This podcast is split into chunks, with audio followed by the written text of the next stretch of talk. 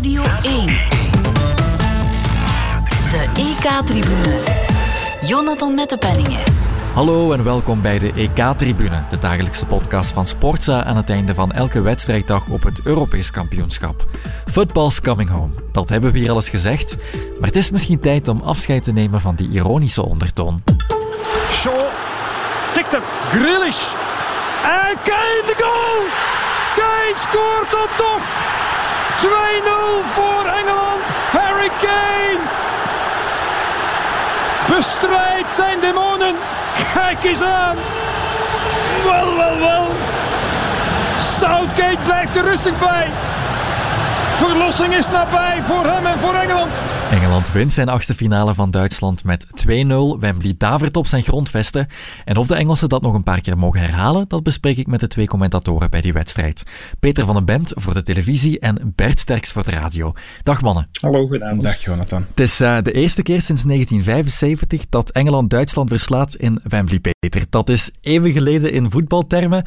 Fans vergeten zoiets niet. En dat kon je wel merken van op je commentaarpositie, gok ik. Ja, het was al van voor de aanvang van de wedstrijd, moet ik zeggen. Het werd ook in de Engelse media een beetje neergezet als de redemption game. Eh, eindelijk de verlossing van die uh, boeman Duitsland, die uh, ja, in hun nachtmerries eigenlijk en is blijven achtervolgen. De spelers, de trainers en al die supporters. Dus ja, het is toch een soort, had ik de indruk, louterende ervaring geweest. En als je niet beter wist, zou je denken dat Engeland vandaag al Europees kampioen is geworden. Of nog, ik denk een half uur, drie kwartier na uh, afloop van, van de wedstrijd zijn ze blijven zingen. Het leek wel een beetje oud even in Leuven, want ze zongen Sweet Caroline. ik heb er een opname van gemaakt, ik wil het wel eens doorsturen, want het was indrukwekkend. Ik ben niet zo degene die dat allemaal filmt, maar het bleef maar duren. En ja, voorlopig voetbals steen. Het was, ja, het was echt wel gigantisch, moet ik zeggen. En, en we zat maar half vol.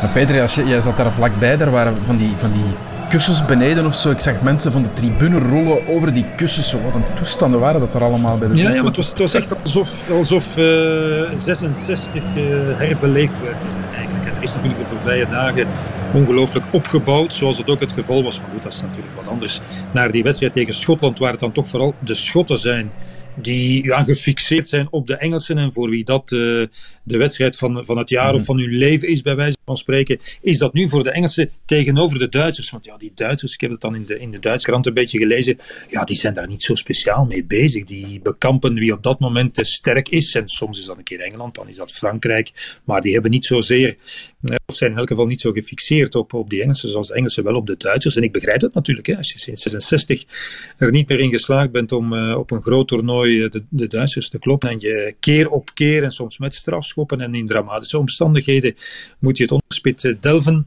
dat je dan nog een keer uh, uit je dak gaat. Voilà. Het zat diep. Uh, Bert, jij maakt het mee vanuit je commentaarcabine in Brussel.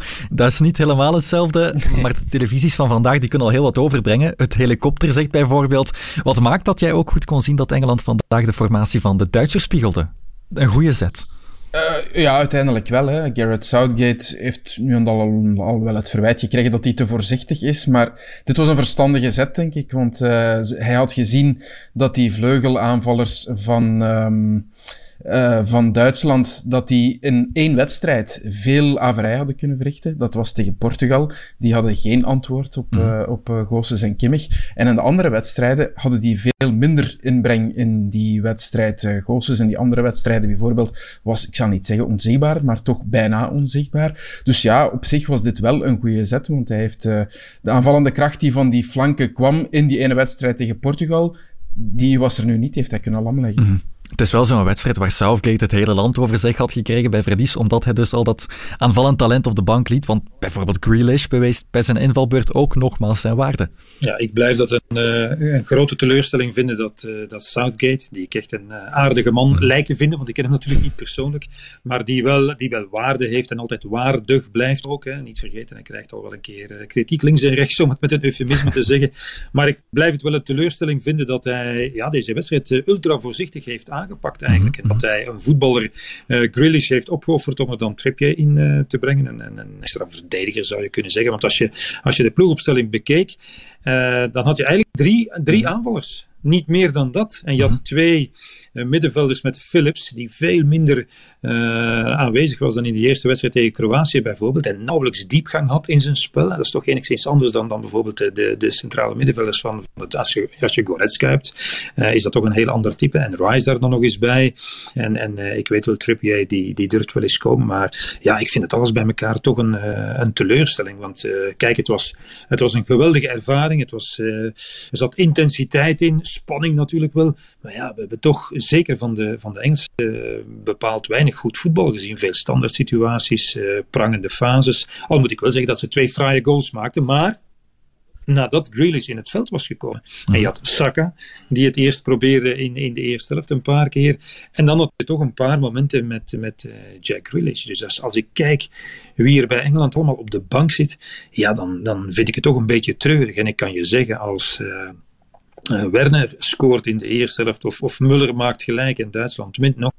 Wel, dan komen ze morgen vitriol tekort om uh, uit te kappen over, over de bondscoach Garrett Southgate. Daar kan je van op aan dat hij, dat hij met een weinig gedurfde opstelling eigenlijk het, de, de Duitsers heeft, heeft aangepakt. Maar goed, hij heeft gewonnen. Hij heeft de demonen verjaagd. Hè. De Engelsen werden zo'n beetje als ghostbusters neergezet in, in de Engelse kranten. Zo. Ze moesten dan de demonen van zichzelf, enfin, niet van de spelers zelf, want die waren bij wijze van spreken de meeste zelfs niet eens geboren, maar maar van de coach een beetje en van het Engelse voetbalvolk dus. En uh, hij zal, uh, denk ik, uh, gelauwerd worden voor die overwinning tegen Duitsland. Het is een beetje het verhaal van een toernooi, denk ik ook. In de groepsfase was er niet één wedstrijd waarin Engeland echt heeft kunnen overtuigen tegen een van de drie mhm. tegenstanders. Het was altijd wat met die voorzichtige aanpak. Ik had altijd het gevoel dat er wat identiteit miste, wat persoonlijkheid miste in, in dat elftal. En wat nu is gebeurd, dat kan natuurlijk het zelfbewustzijn wel aanwakkeren in die ploeg richting, eh, richting de volgende wedstrijd. Ja, ik kan me voorstellen, als Engeland is nu toch favoriet in die volgende wedstrijd tegen Oekraïne. Mm. Nu, ik geef toe, ik ben uh, zeer vermoeid, maar het is toch uh, vechten tegen de slaap geweest. Uh, vanaf een bepaald moment in de tweede helft en dan in die, in die verlenging kan u niet zeggen dat ik recht op de banken heb gestaan bij de goal van Oekraïne. Het is te zeggen, ja, eigenlijk wel, omdat we dan wat vroeger konden gaan slapen, maar dat was het dan ook. Dus ja. ja. Doe mij dan toch maar Engeland, maar ik kan me niet voorstellen dat we een, een geweldig spektakelstuk gaan krijgen. Wat ik bijvoorbeeld wel verwacht van, van België-Italië. Met twee ploegen die in principe uh, willen voetballen. Van mm. de Belgen in het verleden toe. Ja, hier op de redactie werd er harder gejuicht, dan uh, eergisteren bij de Belgen, denk ik, toen uh, Topflix scoorde. Alleen al omdat iedereen dan naar, uh, naar huis mocht gaan. Maar, um, Zo werkt dat. Ja, het was dus een wedstrijd met, met heel veel intensiteit, Bert. Een hele, een hele wedstrijd lang bijna. En niet alleen van de Engelsen, ook van de Duitsers. Alleen deden ze daar heel weinig mee. En daar is Thomas Muller misschien wel het symbool van. Uh, ja, die is erbij gehaald om, om weer wat ervaring in die ploeg te brengen, samen met Mats Hummels. Hummels ziet wel goed tijd vandaag, hè, die Kane lange tijd in zijn achterzak heeft gestoken.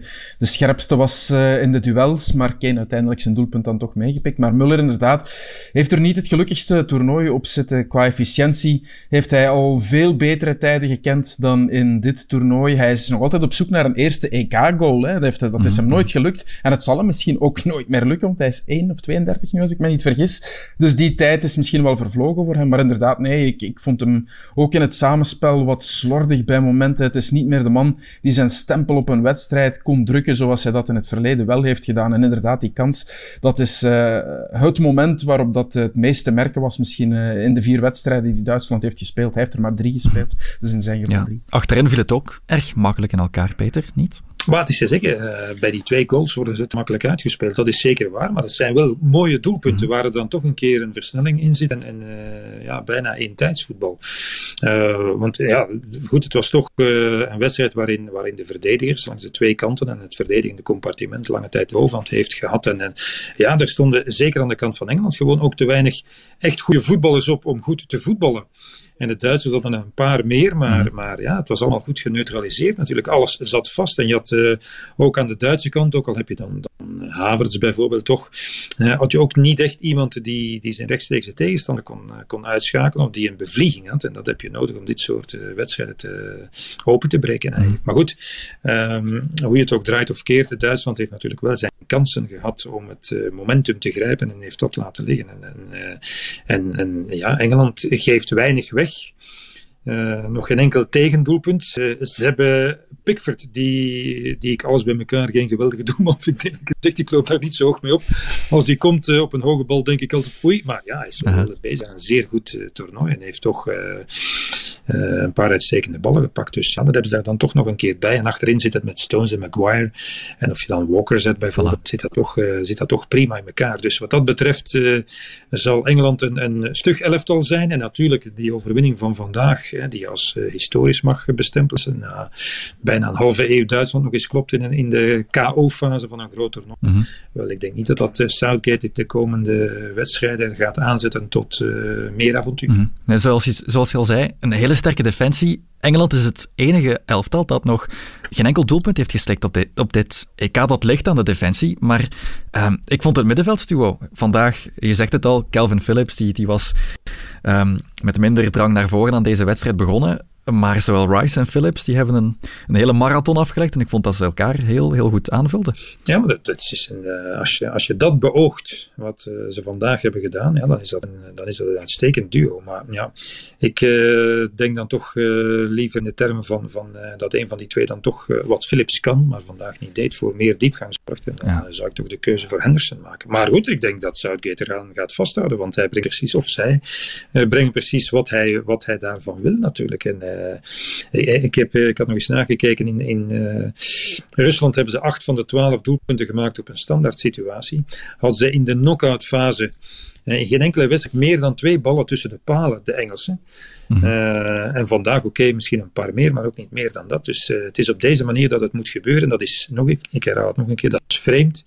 Als je ziet welke aanvallende, voetballende weelde er allemaal op de bank zit. Die Duitsers begrijpen er dus niets van dat die Sancho, uh, wat is het, uh, alles bij elkaar uh, tien minuten, een kwartier heeft ja. gevoetbald. Klinsman zei dat vooraf ook. Hè, van, Sancho is een man die de Engelse schrik kan inboezemen, Bellingham eventueel ook, maar Bellingham nee, niets mag niet meedoen. Ja? Bellingham mag niet meedoen, dus ik vind dat, ik vind dat op de huil.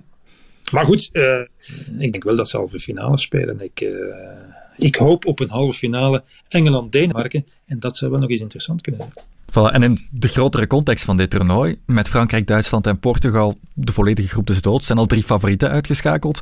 Blijft dan nog over qua favorieten België, Italië en Spanje nu, zou je zeggen? Topend andere maar, perspectieven. Maar, maar goed, na, na die ontwikkelingen van gisteren, ja, denk ik dat je België toch als uh, favoriet nummer 1 naar voren moet schuiven. Voor mij was Frankrijk met grote voorsprong uh, de uitgesproken titelkandidaat. Mm -hmm. En uh, ik, vind het, ik vind het onverklaarbaar en onbegrijpelijk hoe ze zich gisteren hebben laten uitschakelen. Dat, is, dat is, kan ik met mijn verstand niet bij, eerlijk gezegd. Zeker als je kijkt welke kwaliteit ze nog hebben gebracht na die 0 en achterstand en de doelpunten die ze hebben gemaakt. Maar oké.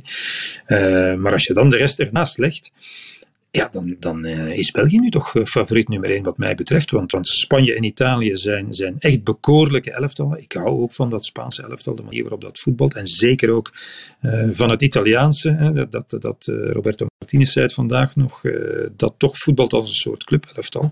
Maar ja, het zijn allemaal nog vrij jonge jongens. Ofwel qua leeftijd, ofwel qua ervaring op een groot toernooi. Dus wat dat betreft heeft België daar, een, een, een voorsprong toch. En, en ja, de Engelsen hebben ze al een paar keer bekampt. En ik weet wel dat ze verloren hebben hier voor de Nations League op Wembley. Maar goed, dat was mm -hmm. nog maar uh, per abuis bij wijze van spreken. Want ze hebben de Engelsen, denk ik, 25 minuten van de mat gespeeld. Ja, wat denk jij, Bert? Uh, ja, de twee sterkste selecties van het EK liggen eruit. Hè. Als je naar Portugal en Frankrijk keek, alleen al naar de bank was het likkebaarde. Dus ik denk dat ik Peter daar in grote lijnen in kan bijtreden. Dat je België vooruit moet kunnen schuiven op dit moment. En als je dan kijkt naar de tegenstand denk ik dat op dit moment Spanje misschien nog het vervelendst kan zijn. Als die jonge kerels elkaar vinden, technisch allemaal goed en goed beginnen rondspelen, kan dat een heel vervelende wedstrijd zijn. Vervelender, denk ik, dan Italië of Engeland, als ik het uh, zo bekijk. Voilà, dan gaan we daarop eindigen. Alle achtste finales zijn zo gespeeld, de kwartfinales zijn ingevuld. De eerste afspraak ligt op vrijdag met Zwitserland-Spanje en daarna treffen onze Rode Duivels Italië. En dan op zaterdag Tsjechië, Denemarken en Oekraïne-Engeland. Wij gaan er dus ook opnieuw even tussenuit om dan vrijdagnacht terug te keren, hopelijk na een overwinning van de Belgen. Voor nu heel erg bedankt Peter van den Bemt en Bert Sterks. Graag gedaan. Oké, okay, graag gedaan.